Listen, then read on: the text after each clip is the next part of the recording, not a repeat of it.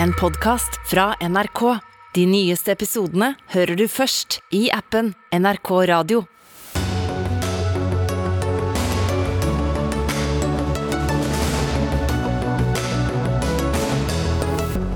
Koronasmitten steg og sank og steg og sank og steg igjen. Vi begynte 2021 med strenge smitteverntiltak, og idet vi avslutter året, er de tilbake. En regjering eh, takket av, en annen eh, tok eh, plass, men ikke helt med de partiene statsministeren hadde ønsket seg, og kanskje ikke helt de sakene de hadde ønsket seg heller. To partiledere trakk seg i år. Én fordi hun bare var lei. En fordi det ble umulig å bli sittende etter rot med regninger og pendlerleilighet. Og stortingspresidenten som skulle rydde opp, møtte seg selv i døra og gikk.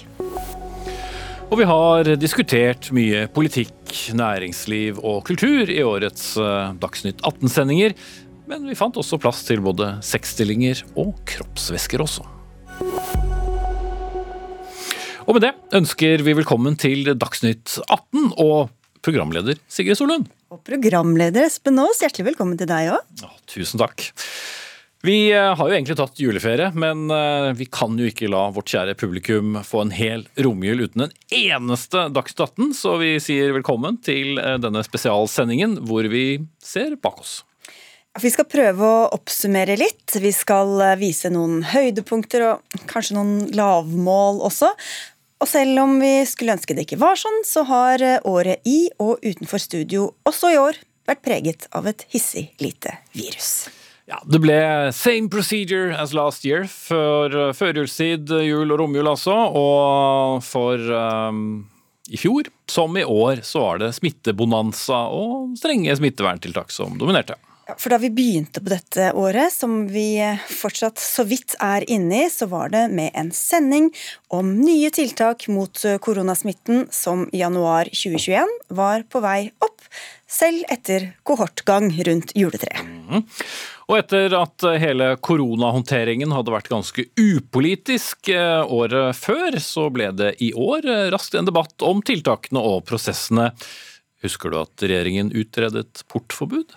Jeg husker vi hadde en del debatter om det, for det blei jo en del eh, ståhei. Men vi er jo nordmenn, vi skal jo gå tur i skog og mark, så det ble jo ingenting av. Den ble lagt i en skuff etter mange protester. Noe annet eh, mange sikkert også har glemt, var den skumle virusmutanten som fant veien til Follo på Østlandet, hvor kommunene stengte for reiser på tvers av grensene, og ingen kunne dra til Ski storsenter. Nei, Det var krise, det. Hvor ble det av den virusvarianten, egentlig? Kanskje den ble i Follo? What happens in Follo stays in Follo. Ikke sant? Men når vi ser tilbake på den, så virker jo den så veldig mild og vennlig i dag. Og nå når vi er i utgangen av desember, så er det nesten umulig å huske hvor mange oppturer og nedturer vi har vært gjennom året sånn rent smittevernmessig. Men vi har gått gjennom kjøreplanene for alle Dagsnytt 18-sendingene. Og veldig mange av sakene heter noe sånt som ny smittebølge, smitten stiger, strengere tiltak osv. osv. For strenge smitteverntiltak? For lette smitteverntiltak? Eh, det har vært noen. Men vi har noen få saker altså, som eh, faktisk handlet om at ting gikk eh, riktig vei, og at uh, smittepilene, hvis det er piler som heter det, pekte nedover. Helt til en dag i slutten av september hvor du, Espen, kunne si saker som du ikke har sagt før. Mm. 561 dager tok det, men nå kan vi kanskje omsider si det var den pandemien, eller iallfall det var den nedstengningen. Norge åpner opp igjen i morgen klokken 16. Énmeteren forsvinner, ikke som måleenhet, men som avstand, og det blir heller ingen begrensninger for hvor mange vi kan være samlet. Og rundt bordet har vi med oss tre stykker som har vært gjester veldig ofte eh, i Dagsnytt 18. Kanskje er det siste gang vi samler dette trekløveret. Bent Høie, helseminister, Bjørn Gullvåg, helsedirektør, og Camilla Stoltenberg, direktør ved Folkehelseinstituttet. Du ville kanskje ikke valgt akkurat eh, de ordene i dag, Espen? Nei, når jeg ser tilbake, så, så ville jeg kanskje brukt noen andre. Vi har jo sett dette trekløveret igjen eh, siden. Det er ikke siste gang Folkehelseinstituttet og Helsedirektoratet var i studio. Nei, Bent Høie eh, så ikke så mye mer til etter den sendingen, men det hadde helt andre årsaker. Ja, for eh, det var jo ikke den pandemien, for så kom omikron? Ja, vi blir jo stadig bedre kjent med det greske alfabetet. Eh, og det har heller ikke endret seg med å kritisere eh, regjeringens tiltak, enten regjeringen heter det ene eh, eller det andre. Men det som jo først skjedde da vi trodde at ting var rolig, var at Øygarden utenfor Bergen ble på alles lepper. Ordfører Tom Georg Indrevik han fikk være den første ordføreren i landet som kunne ønske omikron velkommen. Det er klart Vi eh, fikk eh, den endelige beskjeden i formiddag. Eh, og Det er klart det er jo ingen kjekk beskjed å få. Men som statsråden sa, så har vi et smittevernteam her som tok forhåndsregler alt før helgen og før de nye forskriftene kom, og har behandlet dette som et mulig tilfelle. Det betyr at vi tror nå at vi har klart å begrense det til disse to personene. Men samtidig tar vi nå forhåndsregler både lokalt og regionalt med et sånt ikke nødvendigvis worst case-scenario, men med eh, tiltak for å begrense det. For dette kommer jo på toppen av en alt eh, anstrengt situasjon i regionen. Worst case-scenario, ja. Det har eh, kommet mange av dem, selv om dette var veldig kort tid siden. Alt har jo endret seg pga. Av, av omikron og den regjeringen som tok over, som kanskje tenkte den skulle bruke tid på valgløftene, bruker mye tid på akkurat det den forrige regjeringen brukte mye tid på.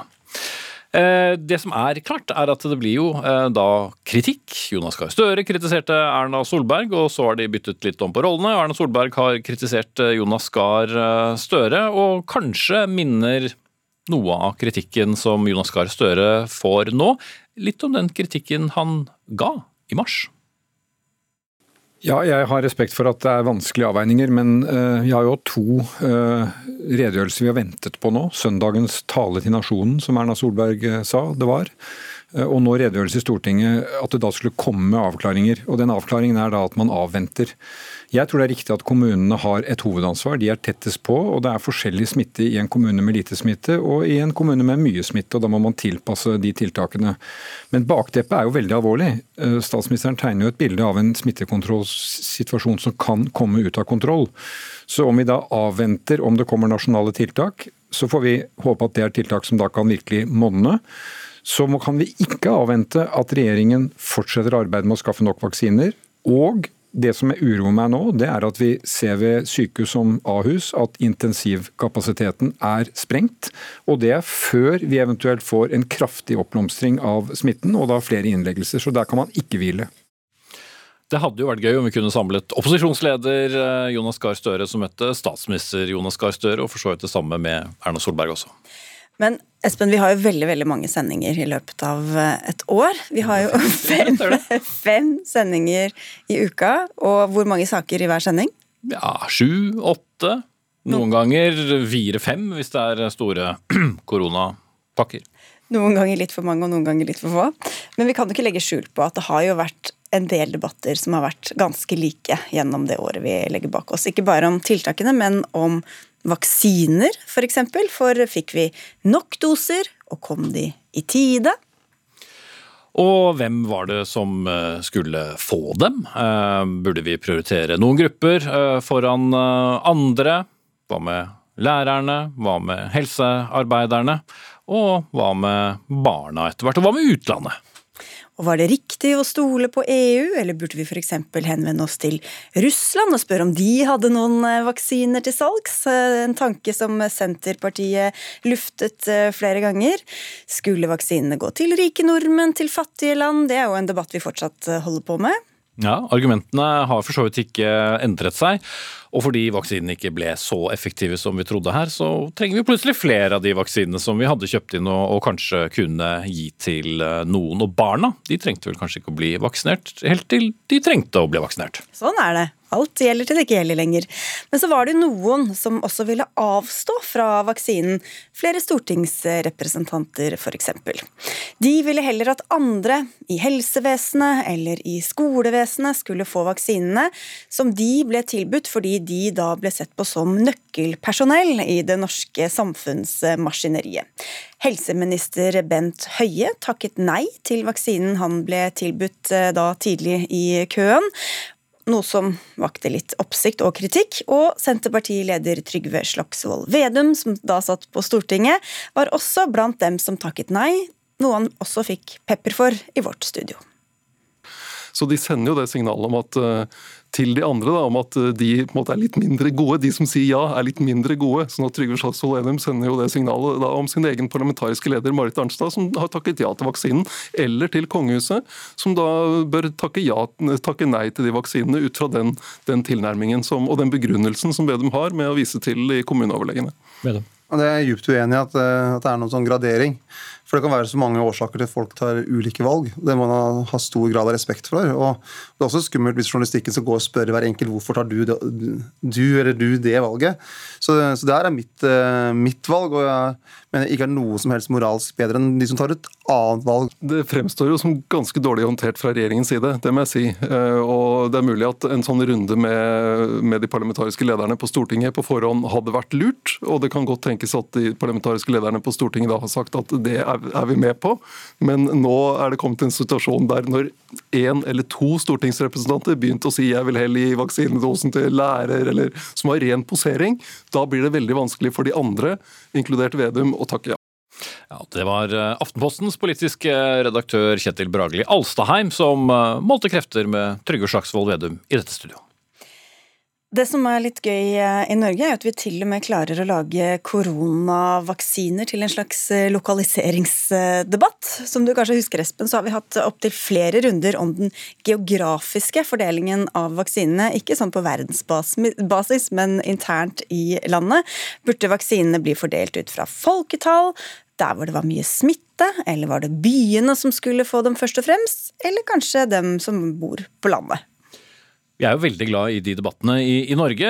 Vi fikk selvfølgelig en eh, nord-sør-debatt om for både vaksiner og søring-karantene og det meste. Og så var det sentrum-periferi, eh, og, og, den smitten den flyttet eh, helt på seg. Først fikk jo folk i hovedstaden tyn for at de ødela livet for resten av landet fordi de hadde så høy smitte. Og så sank smitten i hovedstaden, og da var det andres skyld. Dagsnytt 18 blir jo helt urettmessig selvfølgelig ofte beskyldt for at eh, vi bare inviterer folk som bor innenfor Ring 3, altså i Oslo sentrum. Men når det kommer til kommentatorer, Espen, så er det faktisk ikke Oslo-folk som troner øverst på lista, og det skal vi se et eksempel på nå. Ja, eh, men til gjengjeld så diskuterer de Oslo, da. Det jeg kritiserer, det er det politiske lederskap og den politiske kommunikasjonen fra Eh, regjeringa. Altså, bakteppet her er jo en regjering som har beslutta å skjevfordele vaksiner, og deretter feirer med bilder av seg sjøl med, med, utepils i Oslo, som, som nå altså får eh, vaksiner tilsendt fra resten av Norge de neste ukene. Eh, så det er noe med, med jordnær grasrotkontakt her, og, og, og, den politiske hørselen hos regjeringa. Så jeg mener at eh, den dagen pandemien er over, da kan vi alle eh, feire. og før det skjer, så tar det seg dårlig ut at, at regjeringa benytter anledninga til å sanke stemmer i hovedstaden. Denne pandemien er ikke over. Vi har høye smittetall i, i Norge fremdeles, og smitten går kraftig opp mange steder i landet. Det er andre som tar Oslo i forsvar, eh, deriblant du Morten Myksvold. Du er kommentator i Bergens Tidende. En seier for hele landet med denne gjenåpningen av hovedstaden, eh, skriver du. Hva syns du om måten den ble markert på fra politisk eh, øverste hold? Det viser jo egentlig at politikere er rimelig like som vanlige folk. At når byen de bor og, og jobber i har vært stengt i 197 dager, Eh, så er det på plass med å feire det.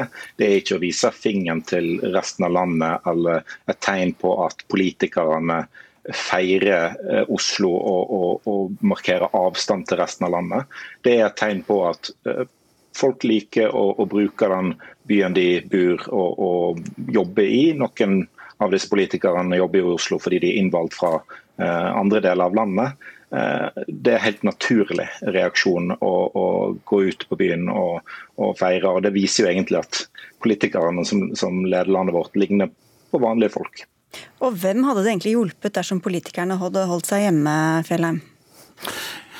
Altså, jeg, jeg, tror Symboler i politikken skal man ikke undervurdere. Og, og, Det som jo skjedde her, var jo at regjeringens medlemmer de reduserte seg sjøl til nesten til lokalpolitikere overtok den rollen som det var naturlig at Raymond Johansen og byrådet i Oslo eh, skulle ha. Jeg forstår det veldig godt hvis Raymond Johansen han var jo også ute og, drakk øl. Noe helt annet var det at regjeringas eh, medlemmer gjorde det. Altså, det var to ting som var galt med dette.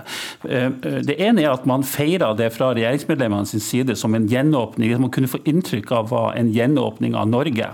Noe som jo er uklokt når det er mange andre byer i dette landet hvor smitten er er på full fart opp.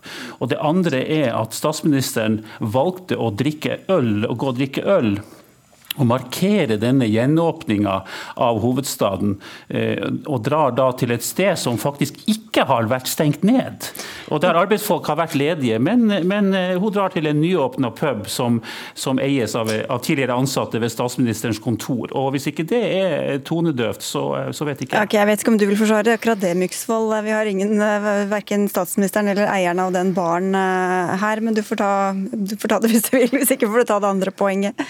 Nei, altså Hva plass statsministeren velger å gå på, det, det får hun svare på sjøl. Men jeg, jeg, tenker at det er ikke lurt, hvis en er bekymra for tilliten mellom folk og politikere, at en skal lage et eget sett med regler på hvordan politikere skal oppføre seg.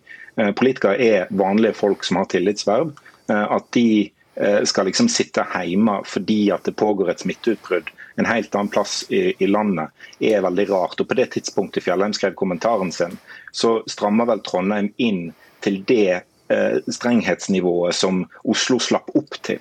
Eh, og som Oslo slapp opp til etter 197 dager. Så Det er ikke sånn at ethvert smitteutbrudd rundt om i landet er et argument mot at folk eller samfunnstopper andre plasser i landet skal kunne nyte de frihetene vi har. og Det, det tror jeg er veldig viktig rent sånn helsemessig for vanlige folk, for toppolitikere. At en ikke pålegger seg sjøl enda strengere restriksjoner enn det vi har måttet leve med. Det er ekstremt vanskelig tror jeg, for veldig mange i Norge å forstå hvor strengt det har vært i, i de store byene, og spesielt i Oslo-området. I, I, denne perioden her. Mange kommuner i Norge har levd med stort sett nasjonale tiltak.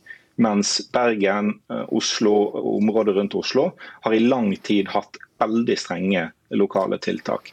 Eh, og da å si at politikere som, som er innvalgt fra Trøndelag eller Nord-Norge eller Vestlandet, liksom skal eh, holde seg hjemme og, og sperre seg selv inne fordi det tar seg så dårlig ut å drikke en utepils. Altså, det, det tar seg ikke dårlig ut å drikke en utepils. Altså, det får være måte på, på måte, bibelbeltet her, altså.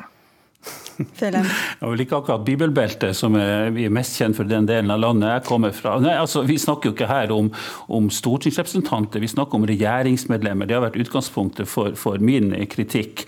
Også, også, det, er, det, er, altså viktig å huske på, eh, på, dette med den symbolske kraften som ligger i dette. ikke sant? Eh, Hammerfest, nedstengning. Trondheim, nedstengning. Eh, Kristiansand, utelivet stengt. Men Hvordan er det sammenlignbart at det er nedstengning, et utbrudd i Hammerfest, og at Oslo har vært stengt til sju-åtte måneder? Nei, altså, Jeg sammenligner det ikke. Jeg sier at det er symboler som er viktige i politikken. og Hvis vi skal få dette landet til å henge sammen, så må vi jo forstå at regjeringsmedlemmene våre har et ansvar for og, og, bidra til det gjennom sin kommunikasjon. Og Det kunne f.eks. vært interessant om det nå ble en, en pub-til-pub-runde rundt omkring i landet for Erna Solberg og hennes statsråder, om de også drar til Hammerfest og Trondheim og Kristiansand. Og i så fall og ønsker du det velkommen? I så fall ønsker du det velkommen når vi er i Hammerfest? Ja, ok, absolutt. Så der er det greit. Ja, ok. Ja, uansett hvor du drar hen nå, så slipper du både skummende øl og klirrende glass og for så vidt noen eh, fornøyde drikkende. For nå er det jo sørgelig stengt eh, overalt. Eh, sørgelig selvfølgelig for alle som er glad i skummende øl og klirrende vinglass, men mest av alt for næringslivet. Men hvis vi skal eh, lete etter lys i mørket, så kan vi i hvert fall si at det er en enkel regel å forstå, da. Ikke gå ut, ikke møt mennesker. Ja, for det var ikke alt som var like enkelt på et tidspunkt. Med de beste intensjoner så fikk vi for så vidt forskjellige veikart på hvordan eh, vi skulle eh, oppholde oss, hvordan vi skulle oppføre oss. For landet, det var rødt, og så bodde man kanskje i ring 2 eller ring 1, ut fra hvor mye smitte det var. Og så fikk du tiltaksnivå A, B, C eller D. Og så i skolen, der var det også fargekoder. Grønt nivå var det fint, gult nivå midt på, rødt nivå så, så var det alarm. Og med alle disse fargene, kodene og bokstavene så ble noen litt forvirret. så Da inviterte vi Bent Høie til studio for å forklare oss det hele. Det er veldig, egentlig ganske enkelt. Ringene det bruker vi om det geografiske området. Sånn at Ring 1 det er den kommunen der det er utbrudd i, og eventuelt andre kommuner som er tett inne i med utbruddskommunen. Mens Ring 2 er kommunene rundt der igjen, som allikevel er integrert som en del f.eks. i en bo- og arbeidsregion. Så er det jo sånn at eh, I begynnelsen så var det noen som tenkte at eh, hvis du er Ring 1, da har du de aller strengeste tiltakene i boka. Det er jo ikke nødvendigvis tilfellet, fordi noen utbrudd er jo ikke så alvorlig at det er nødvendig. Og Derfor har vi etablert i den nasjonale forskriften fire ulike tiltakspakker, eller nivåer. Mm. Som er Det- bokstavene. Ja, og Vi har vært veldig klare på at bokstavene er ikke ment som en del av den offentlige kommunikasjonen ute på folk flest. Det er noe som skal brukes f.eks. av de som jobber i kommunen for å finne fram i forskriften. Eh, Så det er jo, og Egentlig så er det jo sånn at de fleste er jo mest opptatt av hva som gjelder i sin kommune. Og det som gjelder i sin kommune, det får en jo veldig klar beskjed om. Jeg, er litt eh, på jakt etter at eh, Bent Høie skal klargjøre om kommunenes risikonivå fra 1 til 5. Hvilken rolle skal de spille opp mot tiltakspakke A til D? Hvor, liksom, hvordan treffer disse hverandre? Og, og da opp mot gult, rødt og, og, og grønt i skolene. Hvor, hvor treffer disse nivåene hverandre? Har man noe godt svar på det? Svar på det, Espen. Jeg syns det er så deilig at vi fikk oppklart hvordan det der egentlig var. Så jeg tenkte i de neste fem minuttene så skal jeg gjenfortelle det. Nei da. Men det, altså, det var jo gøy at helsemyndighetene alltid insisterte på at det var så enkelt, og ikke engang så smarte folk som vi i Dagsnytt 18 helt skjønte systemet. Det sier uh, litt. Men uh, vi ber jo om hjelp. Vi er jo på lag med folket, som det folkelige programmet vi er. Uh, men for å være helt sikre, så Ja, du ba jo faktisk helsedirektøren uh, klargjøre nye reglene på et tidspunkt. Det gikk vel sånn passe? Du, Bjørn Gullvåg, vi må snakke litt om hvilke regler som gjelder. Da vi prøvde å summere dette opp i redaksjonen, var det total eh, forvirring, egentlig. Særlig på hvor mange som kan møtes. Vi skal jo treffe så få som mulig, det tror jeg alle har fått med seg, og aller helst eh, utendørs. Men så er det fortsatt lov å ha besøk av opptil to personer innendørs da i store deler av, av Norge. Gjelder det to i uka, eller hva er egentlig reglene der? Nei, det eh, er eh, jeg, jeg tror at eh, For å kunne være liksom helt trygg på at man følger det som er rådet i den kommunen man er i, så bør man inn og se i kommunen sin. på Det er som mange som gjør det uten å bli helt kloke av den grunn, tror jeg. Og her er det nå to som man kan ha på besøk. Og så er det vel et eh, Du får hjelpe meg litt, Camilla, men jeg tror det er fem per eh, uke som man kan ha sosial kontakt med. Uh, altså dis- eh, jeg, jeg er enig i at dette er litt krevende. Så mitt, mitt hovedbudskap det er i grunnen at eh, ikke vær så opptatt av de reglene, fordi de kan endre seg. Ja, Det gjorde de. sånn var det. Eh, lite trøst, eh, et klipp til trøst for f.eks. tidligere statsminister Erna Solberg, dersom noen skulle minne henne om en bursdagsfeiring på Geilo med sushi.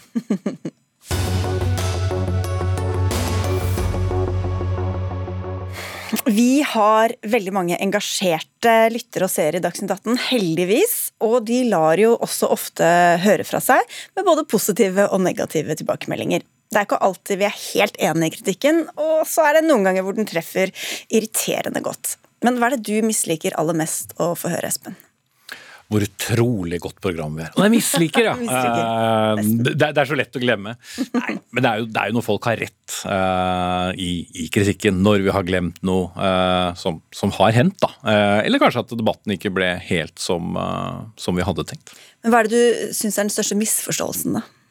Største misforståelsen er jo, både, det er jo først og fremst hvor mye makt du og jeg alene har, eh, og eh, hva slags eh, Altså over hvilke gjester som kommer, og at vi sitter her når jeg har mine Dagsnytt 18-sendinger, så har jeg bestemt alle gjester! Og jeg vil bare akkurat de sakene. Men vi er jo, vi er jo en svær gjeng, som Eller svær og svær, men vi er, vi er en redaksjon som, som lager denne sendingen. Og så starter vi med en haug med saker på morgenen, og så ender vi ofte opp med ganske andre saker når ettermiddagen kommer. kommer. Og så er det jo sånn, Noe av det jeg syns er litt irriterende, er jo når vi blir beskyldt for at vi er så veldig tabloide. At vi bare vil liksom ha mest mulig ståk og støy, mest mulig clickbait, uten at jeg vet helt hvordan det foregår på, på radio og TV. Hvis folk, folk, klikker på radio og TV, så er det vel helt andre grunner. Men uh, vi, har jo, vi, har jo, hatt våre runder begge to. Vi har det. Uh, for det er ikke sånn at når vi har hatt en debatt hvor folk skikkelig krangler, da tenker vi at nå har vi hatt en, en uh, god debatt. For vi er jo veldig opptatt av folkeopplysningen. Vi vil jo at uh, seerne og lytterne våre skal bli, bli uh, klokere. Men ok, la oss ta noen eksempler, da. Og jeg, jeg begynner med deg, jeg, Sigrid. Da du, jeg gjør det. Mm. Da du inviterte Frp-leder Sylvi Listhaug og nybakt statsråd og Ap-nestleder Hadia Tajik i studio for noen uker siden for å ja, de skulle diskutere fagforeningsfradrag. Husker ingenting av innholdet innholdet. Følg med! så er det så viktig at man nå legger eh, planer uh, knyttet til ulike scenarioer. Nei, gjør dere gjør jo ikke det. Kultur... Ikke avbryt meg når det er jeg som snakker. Jeg, jeg tror jeg vet hva slags planer Kul... vi legger. Trettebergstuen. Kan jeg få snakke? Festivalarrangørene er kjempefortvila. Vi kommer ikke i kontakt med det. Det burde vært en plan nå, slik at festivalene kan begynne å planlegge altså, og arrangere ting. Det var et møte i departementet altså sist okay. uke med kulturarrangørene og med festivalarrangørene, så, så, dette her er jo ikke riktig. Så Trettebergstuen, vi er jo daglig i kontakt med dem. Kulturminister fra Venstre og stortingsrepresentant Anette Trettebergstuen fra Arbeiderpartiet. Lurte deg! Luring. Du tok, eh, du tok eh, mitt eh, lille vonde eksempel. Men det, det, var en typisk debatt der det ble så, så høylytt at det ble en avissak etterpå om hvordan debattene foregår i dette hellige studio. Men du trodde kanskje du skulle slippe unna du nå, men mm. nå skal vi se på Sylvi Listhaug og Hadia Tajik. Ja, og, og så prøver du å komme til ordet der et eller annet sted også selv om det er vedtatt i Stortinget. Jeg hører du sier du skal komme tilbake. tilbake. Det. det. hadde du sjansen til i budsjettet, men, men du gjør det ikke. Men det var jo Fremskrittspartiet som fjerna feriepengene på dagpenger. Det ble helt useriøst. Okay, okay, okay. Nå sitter dere og forhandler med SV om budsjett. De vil egentlig kunne trekke, at man skal trekke fra alt det som man betaler inn til fagforeningen. Hvorfor ikke gå inn for det? Altså Nå er det jo Stortinget som forhandler, øh, sånn at jeg er jo ikke en del av de forhandlingene. Dere har ikke gått inn for det i deres øh, alternativ? Vi har foreslått at man dobler fagforeningsfradraget i løpet av to år. og Det er jo fordi man lager et helhetlig budsjett. Og Vi har satsa på at det skal være enklere å komme i arbeid, at det skal være trygge jobber folk går til. Gjennom de siste åtte årene har vi sett en enorm svekkelse av arbeidsfolk sine rettigheter. Og endelig har vi altså fått en regjering som er på lag med arbeidsfolk. Det er så tull at det går ikke an å sitte og høre på i verdens beste land. Vi skal få slippe dere. Flest før i hele landet. Ok, godt. Jeg føler at vi er i valgkampen fortsatt. Ja, skal vi gjenfortelle de to uh, debattene. Det var uh, topp stemning. Ja. Herlig. Alle trengte noe beroligende etterpå. Men heldigvis så var vi jo alle enige om at det var ikke sånn vi ville ha det. Så de neste gangene mine to gjester var i studio, i hvert fall, så gikk det veldig rolig og ordentlig for seg. Ja, det gikk jo verre med de to jeg hadde, for der overtok jo den ene jobben eh, etter den andre. Men ikke pga. Eh, det som skjedde i dette studioet. Så vidt vi vet. Vidt vi vet. Men her var det jo seriøse temaer som gikk litt over styret, Espen. Og veldig mye av det vi sitter og snakker om på morgenmøtene i Dagsnytt 18 er jo veldig ordentlig. Det er viktig og relevant relevant, tungt stoff. Og så sitter, det, sitter vi noen ganger og så sier vi sånn denne saken, er den for tung? Er den for vanskelig å forstå? Kommer noen til å skjønne noen ting? Skjønner vi den selv? Og hva sier vi da, Espen? Da sier vi at hvis ikke vi tar opp den saken, så er det ingen andre som gjør det. Og så minner vi oss selv på hva slags viktig og stor debattarena vi er for folk. Men eh, noe av det morsomste med å, å jobbe i Dagsnytt 18, og det er jo veldig gøy, det er jo ingen grenser egentlig for hvilke saker vi, vi kan ta. Eh, og det hender det jo også at publikum vårt sier fra. Har dere ingen grenser for hva dere tar med? Men eh, det kan være noe veldig fjernt, og det kan være noe veldig nært. Og en sak som kanskje ikke har vært så mye oppe i, i nyhetsbildet. Men nært på mange måter ble det da vi tidligere i år skulle diskutere NRKs etter hvert mye omtalte sexguide på nett. Oh, det ble så nært, det. Se her. Også bare for å ha bladd gjennom, altså Der får du vite hva rimming er. altså Slikke hverandres anus. Det er stillingen labbetuss, der man, en av deltakerne står langt fremover med rumpa i været og hendene i gulvet, med en partner bak og penetrerer. Det er noe som heter stump mot stump. Nå ble jeg så svett. Jeg husker, jeg, da jeg kom på jobb etter at du hadde hatt en sending, så klarte jeg nesten ikke å se på deg, Espen. Nei, det, det, var i hvert fall godt at vi fikk bedrevet uh, god folkeopplysning om at uh, labbetuss det er ikke bare en uh, koselig hund som Halvdan Sivertsen har med på, på Barne-TV. Men du har jo hatt en runde eller to du også da, Sigrid? En del av lytterne våre og seerne hadde vel kanskje ikke hørt om den store kampanjen No Nut November før vi tok den opp. Jeg hadde strengt tatt ikke hørt om den selv eh, heller, men hele poenget var da at gutter og menn over hele verden ble da utfordret til verken å onanere eller se på porno hele november. De skal altså ikke få utløsning på, på, en måned. Og vi inviterte da en kar som het eh, Jack Chen til studio, som hadde tatt utfordringen. Hvis de gjør for mye av det, så kan det bli dårlig. Det første er jo at sex og er jo så mye mer enn bare onani. Det er intimitet, det er alt det. Men når en 13-åring kun lærer seg at ok, onani er fint, men det er ikke noe dårlig ved det, så har de ganske mange år før de sannsynligvis debuterer. Og da kan man lære seg opp til å tro at onani kun er det eneste og det beste. Vi skriver 25. november i dag, men det ble ikke 25 dager for din del, har jeg skjønt? Det ble det ikke, og bu. Men, men det er det det er, det er det, jeg synes er fint med hele utfordringen. At folk kan si ja, vet du hva, jeg tapte. Og vi kan si ja, onani er vanlig, det er en lyst, og det er helt greit. Jeg skulle jo si takk for at dere kom, men jeg tør knapt si noen ting i frykt for alle tolkningsmulighetene her. Men eh, Jack Chen og Viktor Valraune, god, god, kveld, kan jeg si. Så du og de ordspillene dine, Sigrid, du, du tar det som det kommer, skal vi si det sånn. Altså, Men det var mange som likte den, da. Hvis alle hadde hørt uh, dine forslag til uh, avslutning den dagen, så hadde de rødmet langt mer enn det jeg uh, gjorde her i dette klippet, i hvert fall. Skal vi fortsette med kroppsvæsker når Hvorfor vi først er i gang, når vi har det så hyggelig? Vi hadde jo en debatt om eh, morsmelkerstatning, som eh, vi skal høre oss i et lite klipp av. Utgangspunktet var at eh, morsmelkerstatningen skulle fjernes fra den bonusordningen som dagligvarekjeden Coop har. Mattilsynet hadde nemlig bedt Coop om å ikke lenger la kundene få bonus gjennom kjøp av morsmelkerstatning.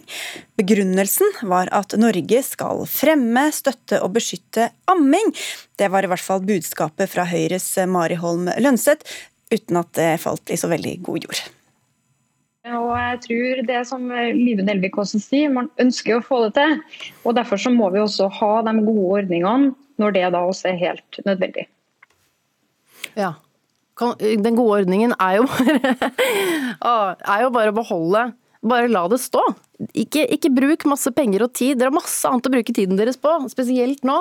Det er ikke noe å gå noen runde på. Eh, her trenger ikke vi å høre på Verdens helseorganisasjon. For vi har rent vann, og 99% av norske kvinner ønsker, eh, skråstrek, forsøker å amme. Og vi få som ikke får det til, kan vel da cashe ut 12 kroner og 50 øre på slutten av året. Ja, en eh, sånn passe fornøyd eh, Live Nelvik, som vi jo normalt sett kjenner fra underholdning og eh, komedie og annen, annen i Lørdagsrådet. Men det var ikke, det var ikke så, så, mye morsomt her. Men det som fra hennes side, for dette var ramme alvor, men derfor så er det jo så gøy de gangene vi faktisk kan sette sammen gjester som normalt sett ikke tilhører samme habitat, og politikere blir litt annerledes når du blir utfordret av andre enn eh, opposisjonspolitikere eller posisjonspolitikere, alt ettersom? De gjør det, og det, det er noe av det jeg syns er mest spennende. I hvert fall, At vi kan sette sammen folk som kommer fra litt ulike arenaer. og Da ser vi også at politikerne må stramme seg opp på en litt annen måte. For da er det litt, både litt andre argumenter kanskje som kommer. De har en annen eh, valør på en måte i de argumentene når det bare er sånn og, og, og, det blir annerledes. Det blir ikke bare sånn hvem ga hvor mange millioner når og hvilken eh, Ingen sier åtte år! Ingen pleier å si åtte år, i hvert fall. Hvem stemte for hvilket forslag i Stortinget? Hva, altså, det, det, blir jo ofte veldig forutsigbart. Men når det kommer inn folk, enten det er fra akademia eller fra helt andre eh, områder av arbeidslivet, eller folk som har kjent ting på kroppen, så må de liksom lytte på en annen måte, og det blir litt mer spenning der. Men så er jo politikere politikere, og det hender jo, og vi har jo til og med advart politikere på forhånd, ikke bare svar sånn ja, det er veldig fint at du tar opp dette her nå. Eh, jeg syns du kommer med veldig gode argumenter her. Det er jo en litt sånn klassisk eh, politikermåte å anerkjenne, for så å avvise eh, kritikk. Men politikerne ser jo også at det ser jo ikke så bra ut hvis du er en, en godt voksen ansvarlig statsråd som sitter i den ene stolen, og så sitter det kanskje en kjempeengasjert eh, 17-18-åring på motsatt side av bordet må du si noe mer enn eh, så flink du har vært til å lese denne rapporten, da. Det er så gøy at du er så engasjert. Mm. Og så er det, jeg synes det er så rart når de kommer inn og så bruker de veldig mange minutter på å si at det er så viktig at vi tar debatten. At det, det er, I stedet for å bare ta den debatten som de er invitert til. Vi vet jo at det er viktig at vi tar den debatten, det er derfor vi inviterer invitert. Det er derfor de sitter der! uh, og det er jo altså Vi har jo noen veldig ivrige lyttere og seere som følger nøye med på og lager en litt sånn, skal vi kalle det en slags bullshit-bingo uh, på, på, noen av gjestene. Og vi uh, påtaler du litt innimellom, for hvis vi skal tenke tilbake på 2021, hvilken klisjé har du hørt flest ganger fra en godt rutinert politiker, eller for så vidt andre prominente gjester i studio? Altså, først vil jeg bare si at det er et veldig godt spørsmål. Ja, for det er en klassiker. Eh, og selv om vi har tullet med det så mange ganger og delt ut sånn, ja, gratulerer, du har sendingens eh, første mm. først, vil jeg bare si, så fortsetter gjestene våre å gjøre det. Jeg lurer på om de hører, hører, på ellers når ikke de er her selv. Husker du Håvard Grønli, vår gode kollega i Politisk kvarter? Han hengte jo opp en, eh, et skilt eh, utenfor det gamle studio. Utenfor det gamle Dagsnytt 18 og Politisk kvarter-studio hvor det var sånn forbudt. Ikke lov å si 'først vil jeg bare si at'. Ja. Det hjalp ikke. Nei, det hjalp ikke, og det hjelper jo heller ikke her. Eh, og det er jo en form for avvæpning, egentlig, fordi de kommer jo hit for å gjerne eh, forsvare noe eller klage på noe, men så vil de ha litt god stemning likevel, og så får du den først til å bare si at det er kjempebra at vi skal eh, debattere en, en sånn annen sak. Men eh, du og jeg, vi er jo så miljøskadd at da sitter vi og vet at nå skal de bruke 30-40 sekunder av en debatt på åtte minutter eh, på å snakke om eh, noe helt annet. Og er vi riktig heldige, så sier de her er det tre viktige ting. Det er enda verre hvis de sier her er det sju viktige punkter. Som også har skjedd. Eh, eller, eller, hvis vi har hengt oss opp i et eh, lite punkt uh, i, i, en debatt som vi tenker det er her debatten ligger, så sier de gjerne jo jo, men det er jo veldig mange andre ting mm. som ligger i denne NOU-en, uh, denne utredningen uh, på 100 sider, som de da gjerne vil snakke om. Men det er jo um, moroa med jobben vår, da. Ikke noe er som en NOU, men det er jo faktisk sånn, eh, kanskje litt overraskende for, eh, for noen av våre lyttere å se at de fleste, altså flesteparten av gjestene våre, de er ikke politikere. Nei, eh, for vi fører jo eh, nøye statistikk. Fordi oppfatningen eh, ute hos publikum er jo at noen gjester er faktisk med i absolutt hver eneste sending. Tilhører du f.eks. høyresiden i politikken, så er det en jevn og ganske vanlig oppfatning at f.eks. Audun Lysbakken er med i alle sendinger. Tilhører du venstresiden, så er det en oppfatning om at f.eks. Kristin Clemet fra Tankesmien Civita er i, i hver sending. Så vi vi har tatt det litt på alvor, og så fører vi da statistikk over absolutt alle gjester, men ikke bare det. Også hvor de kommer fra. Og mm. alle gjestene våre er jo ikke politikere. Og hvilket kjønn de har. Det gjør vi også. Skal vi, skal vi, rett og slett se på hvordan dette ble seende ut uh, i året som har uh, vært bak oss? Vi har da et mål som vi sier da i redaksjonen, å ha en kjønnsbalanse på, på, på 40-60 uh, eh, kvinner. Nei, vi har ikke et mål om det, Espen. Vi har et mål om å ha minst 40 Minst! Minst, minst. ja. Takk for det. minimum. og det har vi nådd i mange år, også i år, men vi kan bli, bli flinkere. Men mine damer og herrer, vi hadde 1268 flinke kvinnelige debattanter i dette studio, og så hadde vi 1837 flinke mannlige debattanter. Og det gir en fordeling på 41% kvinner og 59% menn. Men den som vi har hatt gleden av å ønske velkommen aller, aller, aller flest ganger, det navnet vi har sagt hjertelig velkommen i studio til, er Bent Høie. Mm. Det var gjesten som var her desidert flest ganger. Men eh, vi har jo rundt 150 sendinger i året. Han var her bare 40 ganger. Eller bare, men det var mange. ja, jeg følte at jeg liksom eh, ikke så han mer enn familien min, men eh, det var da kanskje med følelsen, det, da. Vi tar ett minutts stillhet over alle sendingene Bent Høie ikke har uh, fått vært med på. Og så ble han jo da fulgt av resten av helsetoppene. Espen Rostrup Nakstad 26 ganger, Camilla Stoltenberg 23 og Bjørn Gullvåg 21 ganger. Så det sier litt om hva slags nyhetsbilde vi har hatt. Ser vi på andre år, så var jo ingen i nærheten av å være så mange ganger med. Og så sa jeg i stad at det var faktisk ikke kommentator fra Oslo-gryta som var her eh, flest ganger. Hvem var det som var her da? Det var Den uh, politiske kommentatoren som var her flest ganger, det var uh, faktisk uh, Siv Sandvik, som er politisk redaktør i Adresseavisen, og som tilhører, i, tilhører da Trondheim og har hovedsete der. Og på andreplass så er det den politiske redaktøren i en avis som vi gjerne tenker på ikke skriver så mye om Oslo, men mest om det som er utenfor, nemlig Nasjonen og deres politiske redaktør Anne Ekornholmen så vi må faktisk helt ned på tredjeplass for å finne det som noen kaller de klassiske kommentatorene fra, fra Oslo-gryta. Fridtjof Jacobsen fra Dagens Næringsliv, Hege Ulstein fra Dagsavisen, Martine Aurdal fra Dagbladet og Tone Sofie Aglen fra VG. De var på tredjeplass. Så måler vi jo partitilknytning også, og der eh, er det jo sånn at vi Det er ikke så langt unna den oppslutningen de har i folket, blir, eller på, på Stortinget, men så blir det jo gjerne sånn at de som sitter ved makta, de er jo her ofte. og kanskje skulle ønske at ikke de var her så ofte for deres egen del, for de må jo ofte bare være her og svare på eh, kritikk fra opposisjonen. Ja, eh, du må, du må, forsvare. og Der blir det jo spennende nå å se når vi går eh, inn i et nytt år, hvor dagens Støre-regjering nå skal svare for mye mer, mens Solberg-regjeringen har svart på mye. Så Hvis vi ser på partioppslutningen ved valget 2017 og 2021, målt opp med hvor ofte partiene var med i Dagsnytt 18-sendingene, så var Høyre, KrF og Venstre veldig mye med i, i, sendingene våre. Frp var med ganske mye helt til de gikk ut av regjering, og så måtte de kjempe om å være opposisjon sammen med en del andre. Og ellers er det da SV og MDG som var litt mer med i Dagsnytt 18 enn de hadde oppslutning i folket. Og så var um, Arbeiderpartiet faktisk litt mindre. Men mye av dette handler jo om hvilke saker partiene også velger å stille opp på.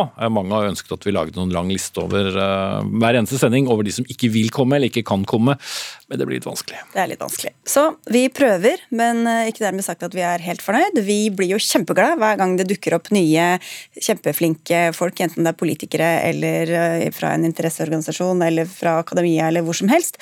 Og vi har jo, som vi nevnte, vedtatt at vi skal ha minst 40 av hvert kjønn, men vi kunne vært flinkere på å få et mer mangfoldig register blant gjestene våre, hvis vi ser på både geografi og alder og funksjonsevne og bakgrunn og sosioøkonomiske forhold osv. Så, videre, og så, videre. så vi, vi prøver.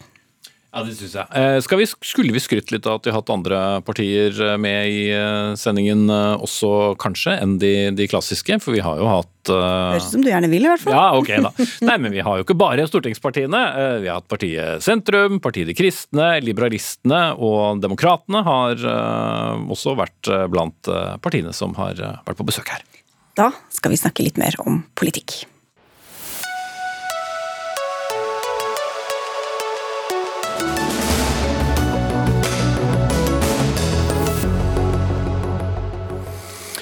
Og Apropos det vi akkurat snakket om, det blir jo en god del eh, politikk i, eh, i Dagsnytt 18, enten det er pandemi eller ikke. Og ikke minst i år, når det faktisk var stortingsvalg. Valgkampen var det kanskje allerede i gang fra januar av? I hvert fall hos oss. Ja, ja. Vi, vi, gir oss ikke. Men alvoret det startet jo, eh, som det ofte gjør, i pollen i Arendal og Arendalsuka. Vi orker ikke å si demokratiets dansegulv. Nei, jeg sa det likevel. Men iallfall, der sto vi i noen dager og presenterte Dagsnytt 18 i solskinnet. Vel møtt til eh, tirsdagens eh, Dagsnytt 18 med Espen Aas og Sigrid Solund. Også i dag på vårt eh, flytende studio, hvor vi setter sjøben etter beste evne. Og på en flåte kan det både bli litt vind og litt kirkeklokker og musikk og hva som helst, men vi skal eh, i hvert fall holde våre debatter og samtaler gående frem til klokken blir sju. Du, det var tider da vi kunne stå tett ved siden av hverandre og med farge i kinnene og være utendørs og livet nesten var normalt. Mm, publikum på brygga, og dette var uh, vakkert. Men vi var nå først og fremst der for å snakke politikk, og mange andre var til stede for å få oppmerksomhet om, om sine saker. Noen ville at valget skulle handle om sosiale forskjeller, noen ville at det skulle handle om trygg styring og videre økonomisk uh, stabilitet. Og noen ville veldig gjerne at klima skulle være den viktigste valgkampsaken. Det var det jo også mange som ønsket utenfor eh, politikken. Noen kasta seg inn fra sidelinja med én bestemt oppfordring stem på naturen. Eh, nå representerer jo denne gruppa som har skrevet under veldig mange ulike ståsteder. Eh, men det at vi faktisk har samlet oss til dette, eh, det tror jeg er nytt. Jeg tror det er første gang det skjer. Og det sier jo kanskje noe også om hvor, hvor sterkt vi føler dette, og hvor, hvor krise vi mener det er. Og at vi rett og slett ønsker mer handling. Men det er en ganske bredt sammensatt gruppe. Hvordan kom dette i gang? Eh, du, det var eh, Anne Sverre Tygeson, som er biologiprofessor og forfatter, og jeg som, som satte det i gang. Mm. Tina Bru, olje- og energiminister, men også nestleder i Høyre. Du får velge hvilken hjelm du har på deg i denne sammenhengen. Du satte ikke så pris på dette oppropet. Hva er det du ikke likte? Nei, jeg ble jo litt uh, lei meg. Først og fremst fordi at jeg deler veldig det sterke engasjementet som disse forfatterne jo har. Og at de peker på at uh, klima er vår tids største utfordring, og at vi må ha politikk som tar det på alvor. Men så mener jeg da at Høyre er et parti som har en politikk som tar det på alvor. Uh, og da blir jeg litt skuffa når grunnlaget for å utrope oss til klimaversting ikke er basert på hva disse forskjellige forfatterne vurderer selv ut ifra partiprogrammene, men som er basert på hva Naturvernforbundet mener. Så det handler jo egentlig ikke om hvem som har best klimapolitikk. Vi kan komme til hvordan det er uh, rangert, men ja. uh, altså, hvis du skulle gitt høyere Høyre karakter fra 1 til 9 på en sånn grønn skala, hvor høyt ville du satt det? Fra 1 til 9, var det du sa? Eller 10 om du vil. ja. Nei, da vil jeg jo selvfølgelig gi oss høyest score. Jeg har jo vært med på å utforme Så Høyre er bedre på miljøpolitikk enn, en de fire som forfatterne? Jeg mener jo at vi har den beste klima- og miljøpolitikken, og dette handler jo om hvem har det hvis du skal stemme i valget, og du er den saken der. Ikke nødvendigvis eh, hvem er mest enig med Naturvernforbundet, som jo er utgangspunktet til, eh, til dette oppropet fra forfatterne. da. Vil du ikke ha lesere fra Høyre, Arbeiderpartiet, Fremskrittspartiet? Nå tror jeg ingen av oss som skrev på dette gjorde det for å få flere lesere. Eh, vi gjorde det fordi at vi er frustrert og engstelige, redde fordi at ikke det skjer nok. FNs generalsekretær eh, sier det er kode rød. Eh, for to år siden så fikk vi FNs naturpanel som, som kom med sin rapport og fortalte oss at en million arter er i ferd med å dø ut. Vi opplever dette som en krise. Det tror jeg veldig mange andre gjør også. Og For meg er det også skremmende med dette gapet i kriseforståelse. Hvordan eh, en del av de store norske partiene snakker fremdeles som om dette er business as usual, mens FN forteller oss noe helt annet. Så du ville ikke gitt toppscore til partiet til Tina Bru? Nei, og jeg har jo også lest Høyres partiprogram, og det, jeg vet jo også disse menneskene som er med i dette oppropet, det er opplyste mennesker. Eh, de har ikke kun forholdt seg til Naturvernforbundets undersøkelse. Eh, men vi mente at det var en god oppsummering, også fordi Naturvernforbundet selv har gått ut og spurt partiene om 37 ulike punkter, da, og hva de ønsker å gjøre i et uh, fargerikt uh, valgstudio. Men de ble kanskje litt uh, skuffet, de som håpet at det skulle bli det store klima- og naturvalget, da de så valgresultatet. Selv om det var mye snakk om klima i valgkampen. da. Ja, særlig etter det Maja Lunde nevnte her. FNs eh, siste eh, rapport, altså FNs klimapanels siste rapport, som jo var veldig dyster, og som dannet grunnlaget for eh, det de snakket om på klimatoppmøtet i Glasgow senere i høst, som vi også har dekket her i Dagsnytt 18, Espen. Mm. Det var jo ikke bare de sånn typiske, klassiske politiske sakene som, som preget uh, valgkampen som sådan. I likhet med de siste stortingsvalgene ble det veldig mye prat om hvem som skulle samarbeide med hvem. Det er jo da politikerne sier at det er vår skyld, uh, som spør om det hele tiden. Uh, og så var det veldig mye om hvem som absolutt ikke skulle samarbeide med hvem. De tre partiene i Erna Solbergs regjering og Fremskrittspartiet gikk eh, naturlig nok til valg på en videre borgerlig regjering, selv om det var vel også litt usikkert hvordan den skulle, hvordan den skulle se ut. Og de rød-grønne gikk jo for så vidt eh, på valg på litt av hvert. Men eh, velgerne i hvert fall, de bestemte seg for å gi et, et flertall til Arbeiderpartiet, Senterpartiet og SV. Men som Senterpartiets Marit Arnstad ettertrykkelig slo fast i dette studioet her, det blir noe helst uten SV, da. Nei, altså det er klart For Senterpartiets del så hadde vi jo et landsmøtevedtak som uh, sier noen ting om at vi både ønsker et skifte, og det mandatet har jo velgerne helt klart gitt oss. Uh, og så har vi også et landsmøtevedtak som sier at vi ønsker oss uh, fortrinnsvis en Senterparti-Arbeiderparti-regjering. Og jeg tror at det er klokt at vi nå tar oss litt tid, bruker litt tid på å, som eh, Jonas Gahr Støre sier, altså samtale litt om valgresultatet, forventningene.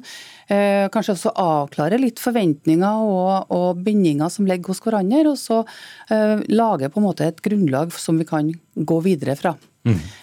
og så vil jo det på en måte vise seg hvordan på en måte det utkrystalliserer seg en uke etterpå igjen.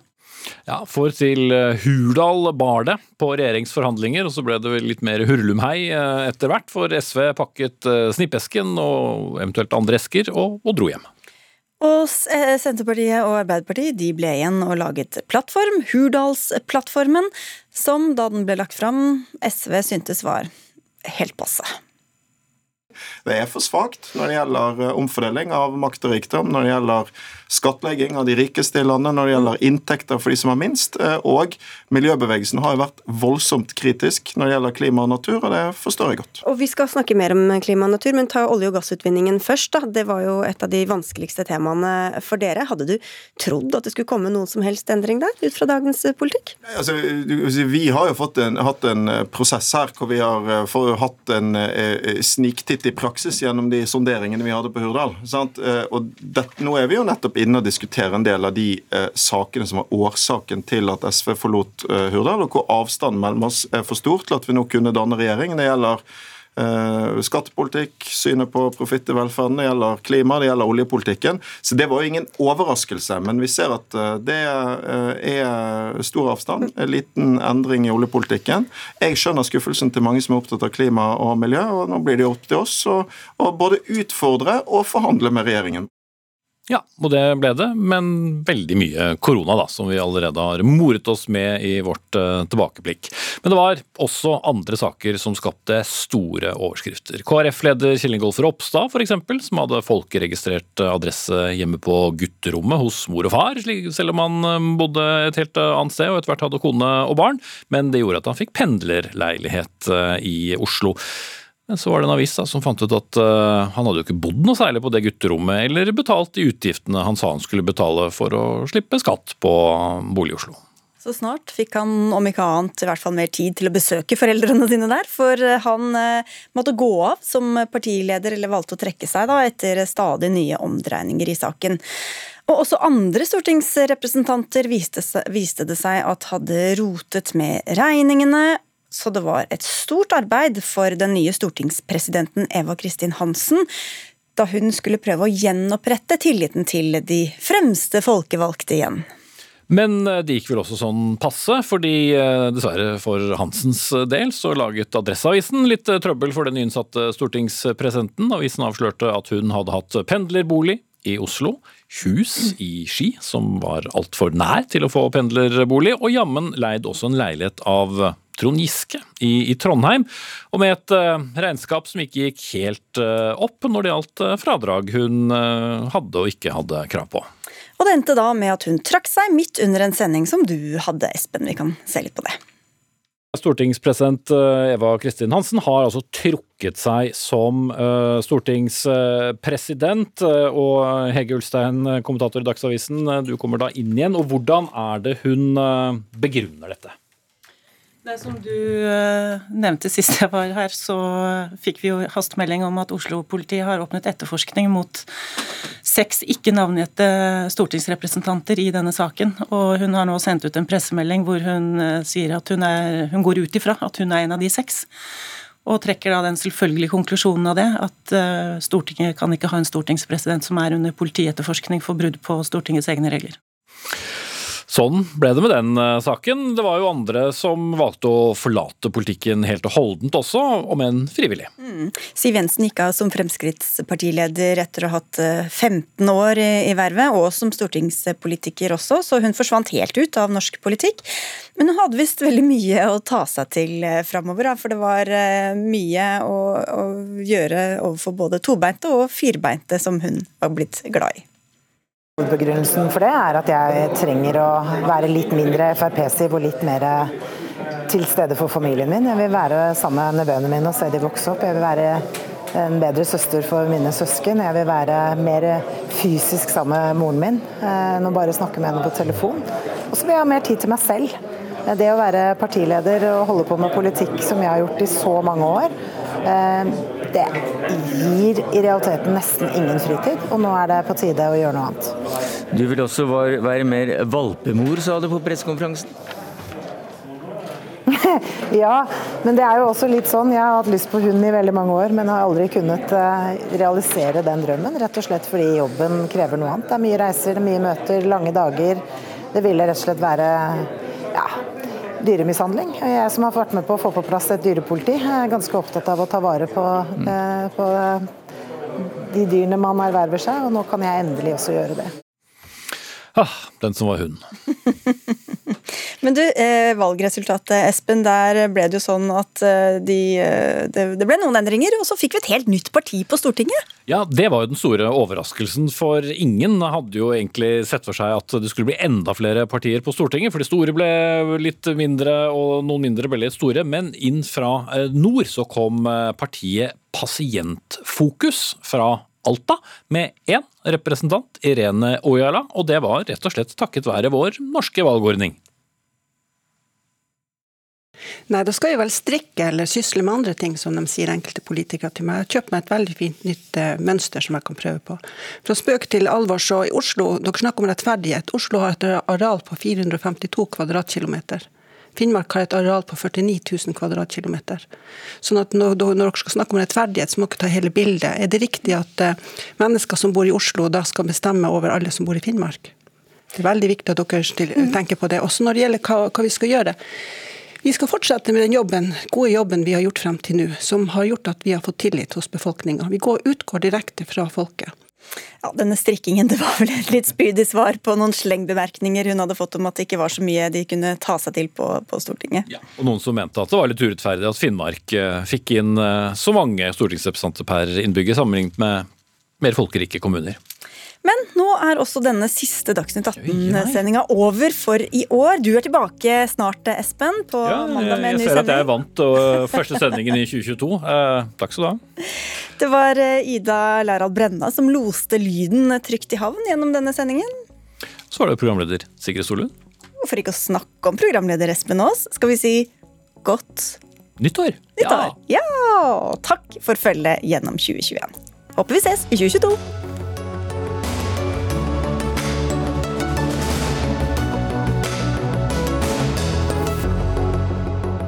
Du har hørt en podkast fra NRK. De nyeste episodene hører du først i appen NRK Radio.